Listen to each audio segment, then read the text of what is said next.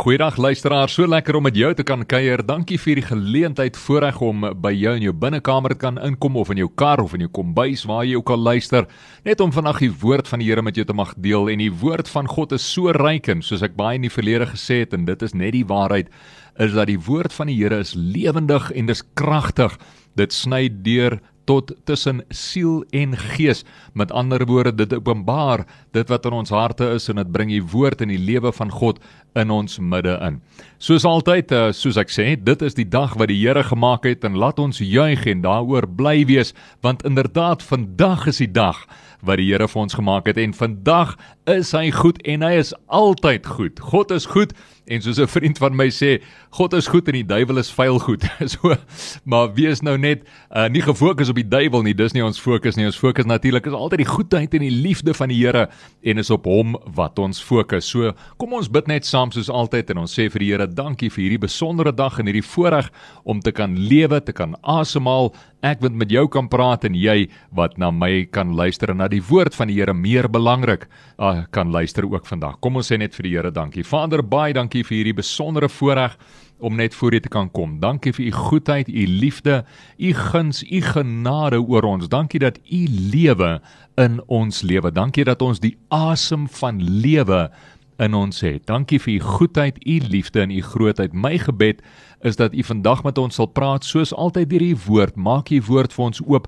Maak die verskillende lae van die woord vir ons oop laat ons regtig in diepte sal inkyk en insien in die verborgde waarhede van dit wat u vir ons wil openbaar. Dankie dat ons weet deur die woord is daar vir ons krag, daar is lewe, daar is genesing en daar is 'n lewe van oorwinning in die naam van Jesus Christus en dit bid ek en spreek ek oor elke luisteraar mag ons regtig die diepte van hierdie lewe van oorwinning ervaar wat U vir ons gekom het om te gee deur die kruisdood en die lewe en die opstanding van U seun Jesus Christus. Amen. Soos ek sê, so lekker om met jou te wees en ek gaan vandag begin en as die Here ons spaar en alles werk mooi uit, dan gaan dit moontlik in 'n reeks ontwikkel van so 2 of 3 dalk selfs 4 uh episodes wat ek bietjie wil gesels oor die lewe van oorwinning. Nou dit is 'n opwindende onderwerp. Die lewe van oorwinning is 'n opwindende onderwerp. Dis 'n lekker onderwerp om by stil te staan en regtig net te ervaar wat dit is wat die Here vir ons wil sê daardeur. En ek kan nie anders as om te begin by Genesis 1 vers 26 tot 28 nie wat praat daarvan waar die Here sê maar kom ons maak die mens in ons gelykenis in ons beeld. Kom ons skaap die mens na ons beeld na ons gelykenis en so het God natuurlik man en vrou gemaak geskaap na sy beeld geskaap na sy gelykenis en ek het 'n vorige geleentheid ook verwys na Genesis 1 26 tot 28 en wat is dit wat God die Vader toe gesê het Hy het gesê nou heers oor die aarde. So dit was die heel eerste opdrag wat die Here vir die mens gegee het. Dis die heel eerste opdrag wat God vir die mens gegee het. Hy het gesê heers oor die aarde, bewoon, bewerk dit, uh, wees vrugbaar, vermeerder, maar bo alles ook duidelik. Sê hy dit verskeie kere as jy daar lees in Genesis 1:26 tot 28 en selfs latere gedeeltes wat hy praat daarvan van ek wil hê julle moet heerskappy uitoefen oor die aarde. Nou wanneer ons die res van die woord van God lees en ek het vanoggend uh stil gestaan nou ek probeer hom mooi onthou ek dink is Psalm 69 of 70 gewees eerder daar rond wat gesels het ook um waar Dawid bid en hy bid tot die Here om vir hom wysheid te gee om soos 'n koning met geregtigheid te kan heers oor hierdie aarde. En die realiteit is dat elkeen van ons en dis wat die Bybel sê, die Bybel sê dat elkeen van ons is konings en priesters. Ja, God het jou 'n koning en 'n priester gemaak en hy wil natuurlik hê dat ons as goeie konings moet regeer oor hierdie aarde. Nou, wat bedoel dit? Wat bedoel ek daarmee? En ek wil praat oor meer as oorwinnaar. Ja, maar ons kan nie praat oor meer as oorwinnaars om net vir 'n oomblik stil te staan by heerskappy nie en ek het vluggies al voorheen ook daarna verwys. Heerskappy en wat dit beteken om as 'n kind en 'n seun van God um te heers oor die aarde beteken heel heel eerste voordat ek dink want dis my geneigtheid as ek nou baie eerlik mag wees met jou vandag dis my geneigtheid en ek wil myself verstout om te sê ek dink dis meeste van ons se geneigtheid wanneer ons dink aan heers dan dink ons aan iets buite ons nê nee. Ons dink ons sit nou op 'n troon met 'n staf in ons hand en nou gaan ons heers oor 'n situasie of oor 'n ding. Ja en nee, nie regtig nie. Dit gaan heel eerste daaroor om te heers tussen hierdie stukkie aarde wat tussen my ore is. Hierdie stukkie aarde, hierdie stukkie grond, hierdie stukkie stof wat God tussen my ore gesit het, my denke, jou denke om te heers oor ons denke, om te heers oor ons gevoelens, ons emosies, ons siel as te ware. En dis hoekom ek voorheen ook al daarna verwys het wat Jakobus 1:21 sê ontvang die woord van God met blymoedigheid en sagmoedigheid wat in staat is om jou siel te red. Nou weer eens ook voorheen al daarna verwys, die feit is ons gees is gewederbaar as ons voor Jesus Christus gekom het en ons het erken in sonde erkenning belydenis, Here ek ek het gesondig, ek het die merk gemis, vergewe my. As ek na my hemelse Pa toe kom en ek sê Pa vergewe my, help my, dan is hy getrou en regverdig soos 1 Johannes 4 as ek nou reg onthou sê vir ons die skrifgedeelte daar dit staan in 1 Johannes geskrywe staan dat hy's getrou en regverdig as ons ons sondes bely om ons te vergewe van ons sondes en dit is die liefde van God wat wat hy uitstraal wanneer ons na hom toe kom. So ons gees is gewederbaar, jou gees is gewederbaar. Dit wat uit God uitkom, dit wat gekonnekteer is met God is gewederbaar. Daar's geen twyfel daaroor nie. Ons weet, soos ons gees gered is, sal ons liggaam eendag gered word, want die woord sê vir ons dat ons stoffelike liggaam sal oorklee word met 'n heerlike liggaam. Die heerlikheid van God self sal ons liggaam mee oorklee word. So dis die realiteit van die redding van God. Maar nou sit ons met 'n sielsdimensie ook denke wat gered moet word en dis die eerste plek waar God wil hê dat ons moet leer om in heerskappy te wandel. Ek is seker jy dalk ook al die storie gehoor soos wat ek hom ook al gehoor het van iemand wat eendag op sy sterfbed gelê het en dis dis blykbaar 'n ware storie wat skryf of waar word geskryf van die persoon dat die persoon gesê het toe hy of sy in in sy 20s of 30s was, wou hulle die wêreld verander en is dit nie so nie, net as ons net uit die skool uitkom en ons kom net in die wêreld in uh in terme van 'n ambag of 'n beroep of 'n werk, dan wil ons alles rondom ons verander, ons wil die wêreld verander en is 'n goeie en 'n wonderlike uh, passie om te hê om die wêreld te wil 'n beter plek maak. Maar so skryf die persoon en sê dat toe die persoon toe nou 40 raak toe besef hy okay ek gaan nie die wêreld kan verander nie. Kom ek probeer net my familie verander. En so kom hy op 50 en hy sê okay ek gaan nie my familie kan verander nie. Kom ek probeer net my my gesin verander. En kon nie sy gesin verander nie. En hier in die 60s besef maar hoorie kom ek probeer my vrou verander en hier in die 70er jare besef en ongelukkig toe nou te laat laat ek kan niemand verander nie.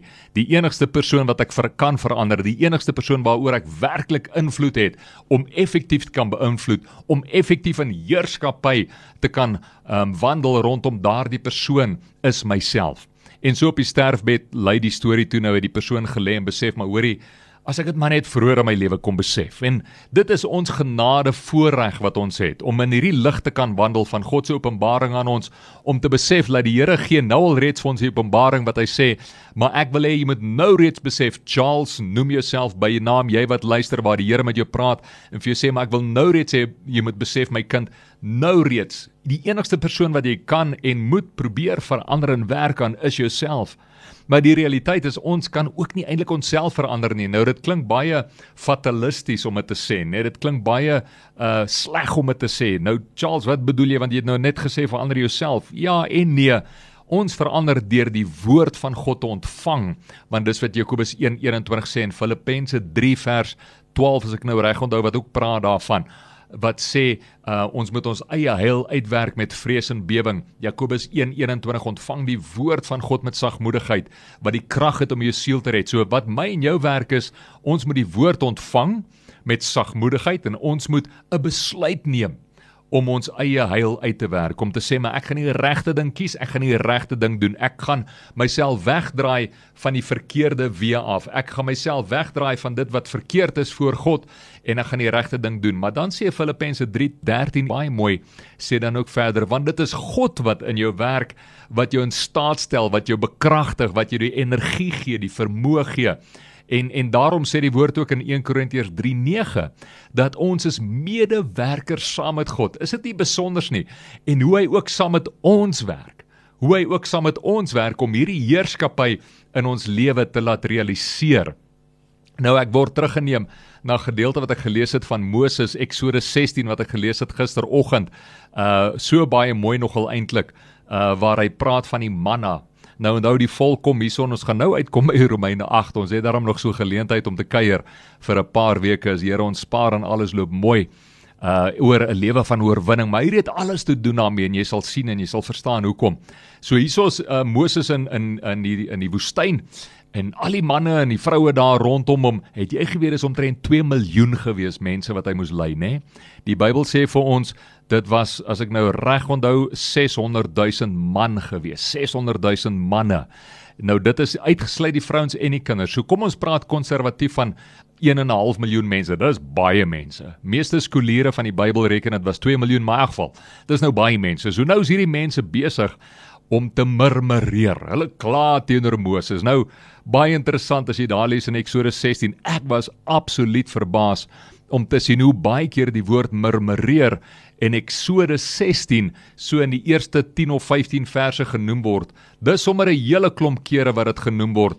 Daar's nie minder as 8 keer waar daar verwys word na hierdie murmurering, na hierdie klaande volk wat nou voor Moses en wat voor die Here nou kla oor al hierdie slegte goeters nie wat met hulle gebeur nie want hulle het nie manna gehad nie, hulle het nie kos gehad nie. Nou uiteraard kla mense as jy nie kos het nie. Is nie lekker nie. Maar hierso is op die einde van die dag waaroor dit gaan, waar die Here dan nou sê maar ek stuur die kwartels en die manna vir julle omdat julle nou so kla, maar luister mooi. Moses sê vir hulle hoor julle moenie so kla nie. Dis nie goed om so te kla nie. Verbly julle eerder in die Here soos Filippense 4 sê, want hierdie kla word eintlik gesien as 'n teken van ongeloof. En as ons verder die woord bestudeer in Hebreërs, dan sê dit vir ons baie duidelik dat hierdie klomp Israeliete het in die woestyn rondgeswerf vir 40 lang jare omdat hulle aanhou bly kla het oor hulle situasie want die Here wou hulle nederig maak en hy wou hulle harte toets. Nou as jy Eksodus 17 lees, baie interessant, is letterlik net 'n hoofstuk later wat Moses nou net die Here nou net vir die kwartels en die manne gegee. Nou Eksodus 17 kom dan nou neer op 'n plek waar hulle nou kla oor water weer. Weereens kla die volk en waar die Here dan vir hulle water gee. Maar waar Moses hierso spesifiek vir hulle sê julle kla en julle murmurering teenoor die Here is eintlik gelyk aan om te sê, maar is die Here regtig met ons? Dis eintlik waarmee Moses dit gelykstel. En dit is eintlik nogal 'n vreesaanjaende stelling om te besef dat wanneer ons kla, is dit eintlik asof ons vra, maar is die Here met my? En die feit is God is met ons. God is met my. Hy is met jou. Die feit dat jy kan luister, die feit dat jy kan asemhaal, die feit dat die woord van die Here gespreek kan word, dat ek dit met jou kan deel, jy kan luister, wys dat die Here met jou is. Nou hierso is wat ek spesifiek wou aangeraak het ook rondom Eksodus 16. Baie interessant dat die Here kom by 'n plek en onthou ek het nou verwys na medewerkers met God, nê, nee, laat ons medewerkers is met God. 1 Korintiërs 3:9 so ons werk ons eie siel ons denke ons emosies ons werk daardie heil uit. Dit gaan nou nie hier oor ons gees wat eendag hemel toe gaan teruggaan na die Here toe nie. Ja dit ook maar dit gaan eintlik baie baie meer oor Jesus wat gesê het maar Vader laat u koninkryk kom op aarde soos wat dit is in die hemel. Dit gaan baie meer daaroor soos in Deuteronomium ook God vir die nasie sê, maar ek wil hê hulle moet daarvan hemel op aarde hê ja, as die Here nie terugkom nie, gaan ons hemel toe, maar dit gaan baie beslis daaroor dat hy sê ek wil hê jy my geliefde kind vir wie ek myself gegee het vir wie ek aan die kruis gesterf het, nie net om jou sondes te vergewe nie, nie net om jou verhouding met my reg te maak dat jy eendag kan hemel toe gaan nie, nie net vir dit nie. Ek wil hê dat jy moet besef dat die prys wat ek betaal het is dat jy ook 'n lewe in oorwinning kan lewe, 'n lewe van oorvloed, 'n lewe van heerskappy waar jy nie onder jou omstandighede leef nie, maar bo jou omstandighede sweef soos 'n arend. Jesaja 40:31 weer, daai storm wat ek so ruk terug van gepraat het om te sweef in die storm, om te sweef selfs bo die storm en toe te laat dat die storm jou optel bo die omstandighede van die lewe. So hierso is wat uh die stukkie in Eksodus 16 van praat wat ek nou na wil verwys en dis eintlik baie besonder as ons daaraan dink in vergelyking of in in in oorleg ook met die hele konsep van samewerk met die Here, saamwerk met God om mede-arbeiders met God te wees 1 Korintiërs 3 vers 9. Eksodus 16 sê vir ons 'n baie interessante stuk. As jy daai gaan bestudeer, sal jy sien dat wat gebeur het is dat die Here het vir hulle gesê, hoorie, maar julle sal nou elke dag sal julle manna kan optel. Dis mos nou die die uh, graanvlokkies as te ware, nê, nee, die brood wat nou uit die hemel uit geval het. En baie interessant, net die woord manna uh klink soos die Hebreëse woord wat is dit? Dis eintlik waar die woord manna vandaan kom. Hulle het gekyk na die goed en hulle het nie geweet wat dit is nie. Sê hulle, "Wat is dit?" Sê Moses vir hulle, "Man, dis jou kos. Eet daai goed. Dis nou soos jou jou uh, all-bran flakes of jou Weet-Bix of wat ook al mag wees. Eet dit en geniet dit en dit is die kos wat die Here vir hulle gegee het." Maar baie interessant. Die Here sê vir hulle, "Hoorie, daar's net genoeg vir elke dag. Jy moet net optel vir daardie dag. As jy optel vir môre, gaan dit wat jy môre gaan jy wat jy môre gaan probeer eet, gaan gaan vrot." Jy gaan net kan eet môre nie, jy gaan net genoeg kan optel vir vandag. En die rede hoekom die Here dit natuurlik sê en hoekom hy daaroor praat met sy volk is want hy wil hulle leer om in afhanklikheid van hom te leef elke liewe dag om manna elke liewe dag op te tel. En soos Jesus ook sê in Matteus 4:4, die mens sal nie leef van brood alleen nie, maar van elke woord wat kom uit die mond van God. So die die simboliese verwysing hierna wat baie mooi is, is dat die Here sê Dit help nie net jy het gister die Bybel gelees nie. Dit help nie net jy het eergister die Bybel gelees of Sondag na die kerk gaan nie. Nee nee nee, nee, vandag kom elke oggend op net na my toe. Kom tel manna saam met my op. Kom tel saam met my die woord van my lewe wat ek vir jou het op. Laat toe dat my woord jou verkoop en versterk. Nou hierso is die punt wat ek wil maak. Die Here sê nou vir hulle elke dag kan julle optel, maar eere dan nou daai dag en môre kan julle weer optel.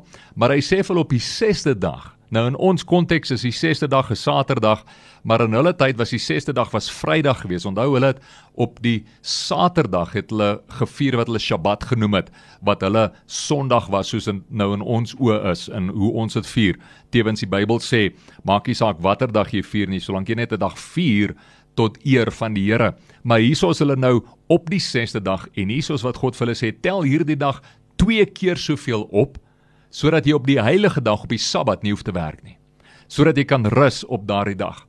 En eintlik hoe meer ek hieroor gedink het, hoe meer besef ek die besondere waarheid daarin dat die Here eintlik sê, "Maar hoorie op hierdie Sabbatdag, op hierdie heilige dag van rus." sê die Here amper op 'n manier tongenetjies vir die volk. Hy sê: "Hoorie, ek gaan nie werk nie. ek gaan nie vir jou manna stuur op daai dag nie." So maak genoeg bymekaar dat jy genoeg kos het om te eet op daai dag. Maar die wonderlike ding daarvan is nie dat die Here nie wil werk net nie, maar hy sê ek gaan nie werk nie, ek gaan rus want dit is 'n Sabbat, is 'n heilige dag. Soos ons weet Genesis vertel ook vir ons dat hy daardie dag geheilig het en 'n dag van rus gemaak het. Maar hy sê ek rus op hierdie dag, maar die meer besondere ding vir my in dit is dat die Here eintlik sê maar hoorie ek roep jou ook op hierdie dag om te rus saam met my. En daarom is die Sabbatdag of dit nou Saterdag is of 'n Sondag is, watter dag jy ook al vier, maar dit gaan oor 'n dag van afsondering voor die Here. Dit gaan oor 'n dag van hernieude fokus op jou hemelse Vader. Dit gaan oor 'n lewe van oorwinning wat begin deur besef dat hy sê hy wil ek moet hemel op aarde nou hier hê. Dit gaan oor 'n lewe van oorwinning wat begin deur ek wat met besef dat ek moet saam met hom werk en hom toelaat om in my te werk. 1 Korintiërs 3:9 medewerkers met God uh Filippense 3:12 my eie heil uitwerk uh, die woord van God ontvang met sagmoedigheid Jakobus 1:12 wat in staat is my siel te red, my denke te red. My gees is gewederbaar, maar op daardie dag, elke dag, elke dag van die week, maar op daardie dag 'n besondere dag wat ek opnuut hernuwe fokus en energie spandeer op deur en sê okay Vader hiersoos ek soos Romeine 12 1 vers 2 sê hier is ek soos 'n lewendige offer. Ek kom na u toe. Ek offer myself op. Ek fokus op u. Ek rus in u. Soos Jesus sê in Matteus 11 28 tot 30 so mooi. Hy sê kom na my toe almal wat moeg en oorlaai is. Kom neem my juk op julle. Kom rus by my want my juk is sag en my las is lig En dit is waantoe jou hemelse Vader, jou hemelse Pa jou uitnooi om te sê maar kom rus by my. Kom ervaar iets van hierdie lewe in oorvloed en hierdie lewe van oorwinning in my wat ek vir jou geoormerk het. En wat ons moet besef is dat die Here sê en na hierdie baie lang inleiding gaan ek nou kortliks begin deel met Romeine agter. So ons gaan daarby uitkom. Ons moet besef dat die Here sê daar's 'n manier om daai te kom, daar's 'n pad om daai te kom. Onthou wat hy gesê het vir Josua in Josua 1:6 tot 9. Hy sê mediteer hierdie woord, die woord van God dag en nag. Oordink dit dag en nag. Tel hierdie woord elke dag op soos manna in die oggende. Tel dit op. Eet hierdie woord van God. Esegiel 3 vers 3 waar God met Esegiel praat. Hy sê eet hierdie woord van God.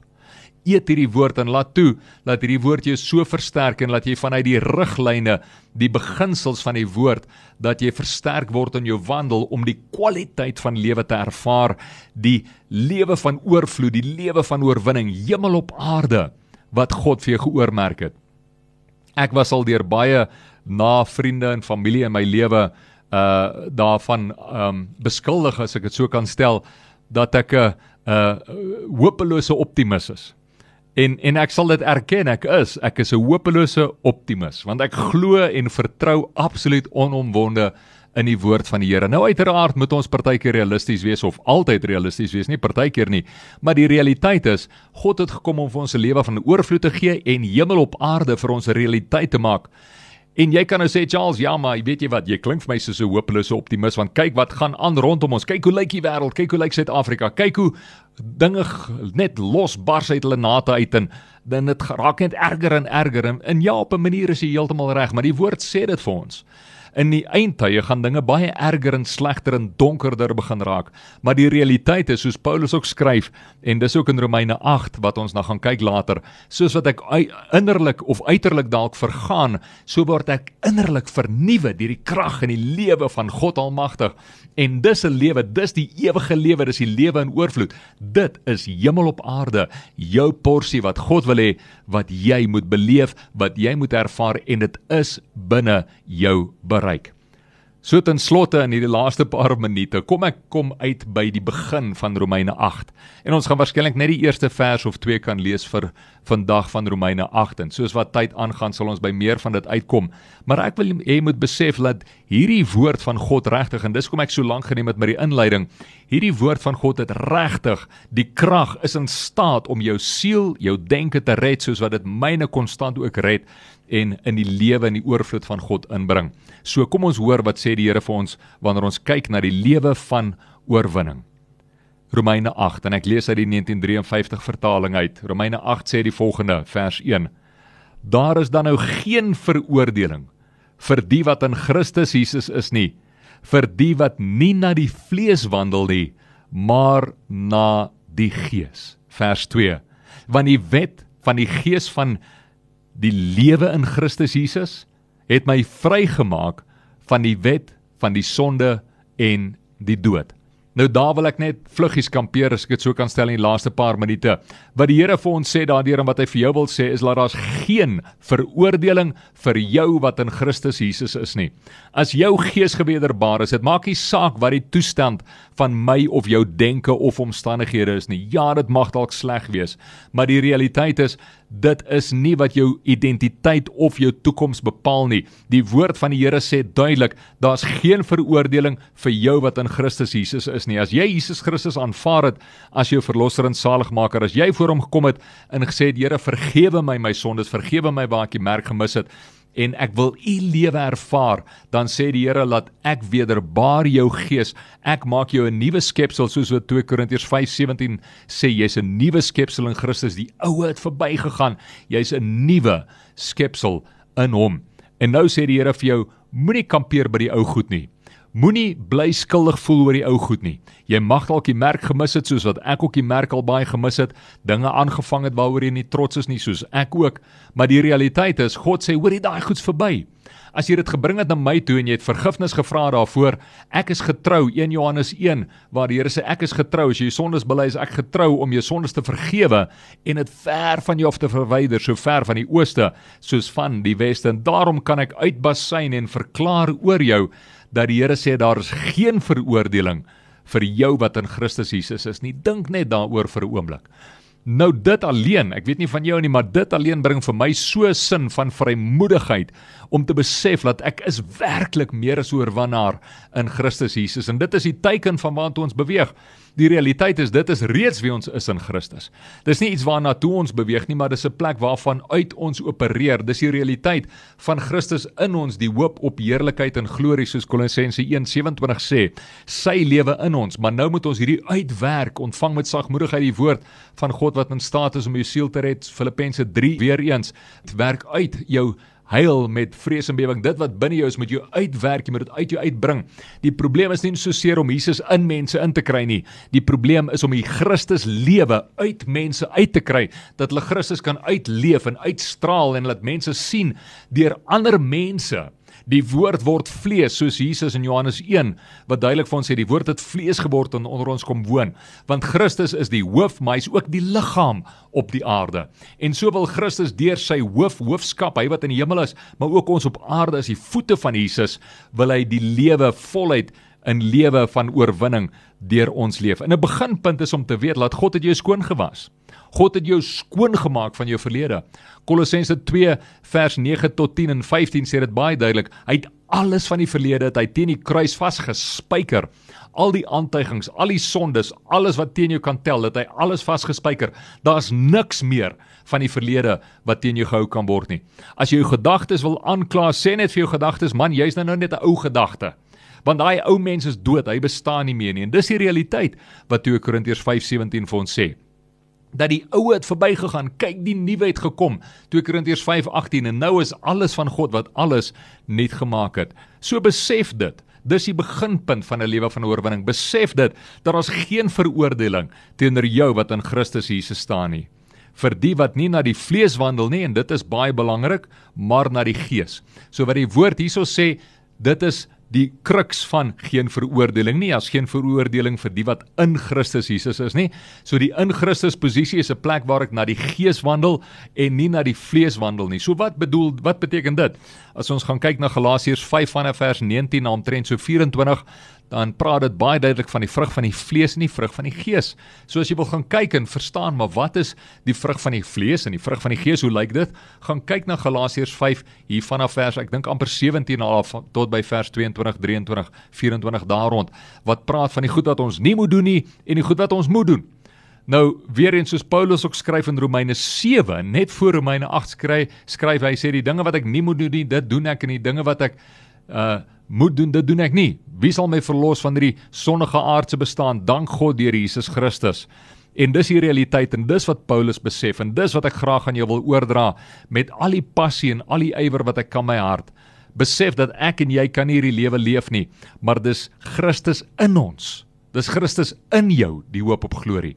En wanneer jy leef vanuit sy lewe, sy vermoë, sy krag wat in jou is, dan kan jy hierdie lewe van oorwinning leef. En daarom sê hy daar's geen veroordeling vir die wat in Christus Jesus is nie wat nie na die vlees wandel nie maar na die gees. Vers 2 want die wet van die gees van die lewe in Christus Jesus het my vrygemaak van die wet van die sonde en die dood. Jy is vrygemaak.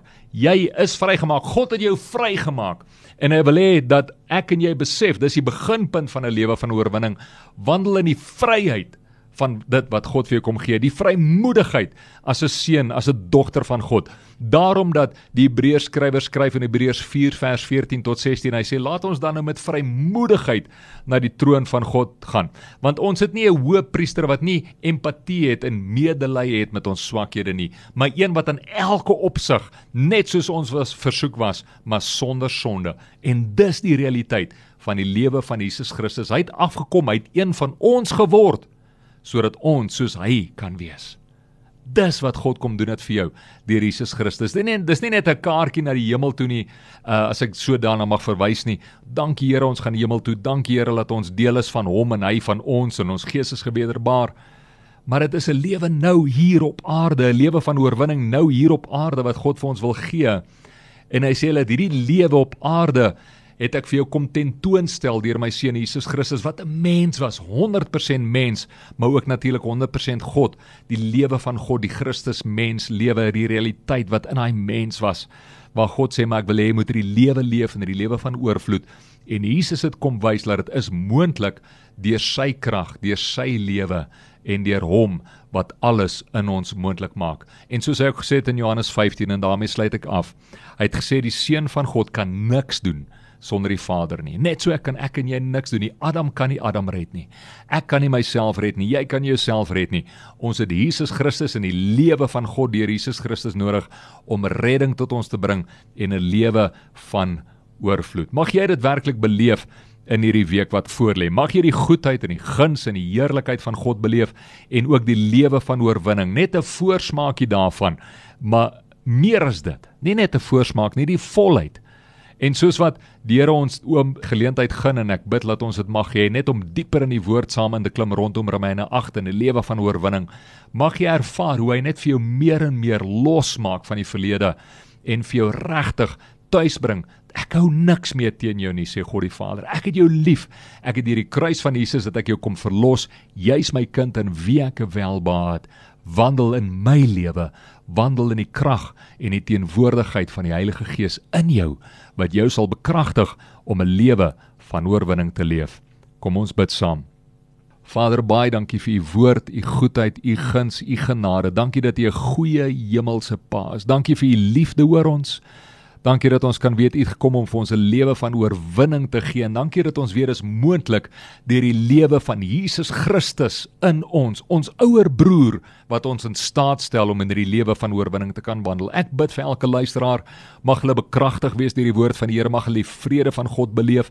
Ek wil dit nou uitspreek oor elkeen dat die guns en die vrede van God met jou sal wees waar jy ook al gaan en weet dat die Here jou nooit ooit begewe of verlaat nie. Dankie vir u goedheid en u liefde. Ek bid dit in die wonderlike naam van Jesus Christus. Amen en amen. Tot 'n volgende keer. Alles van die beste.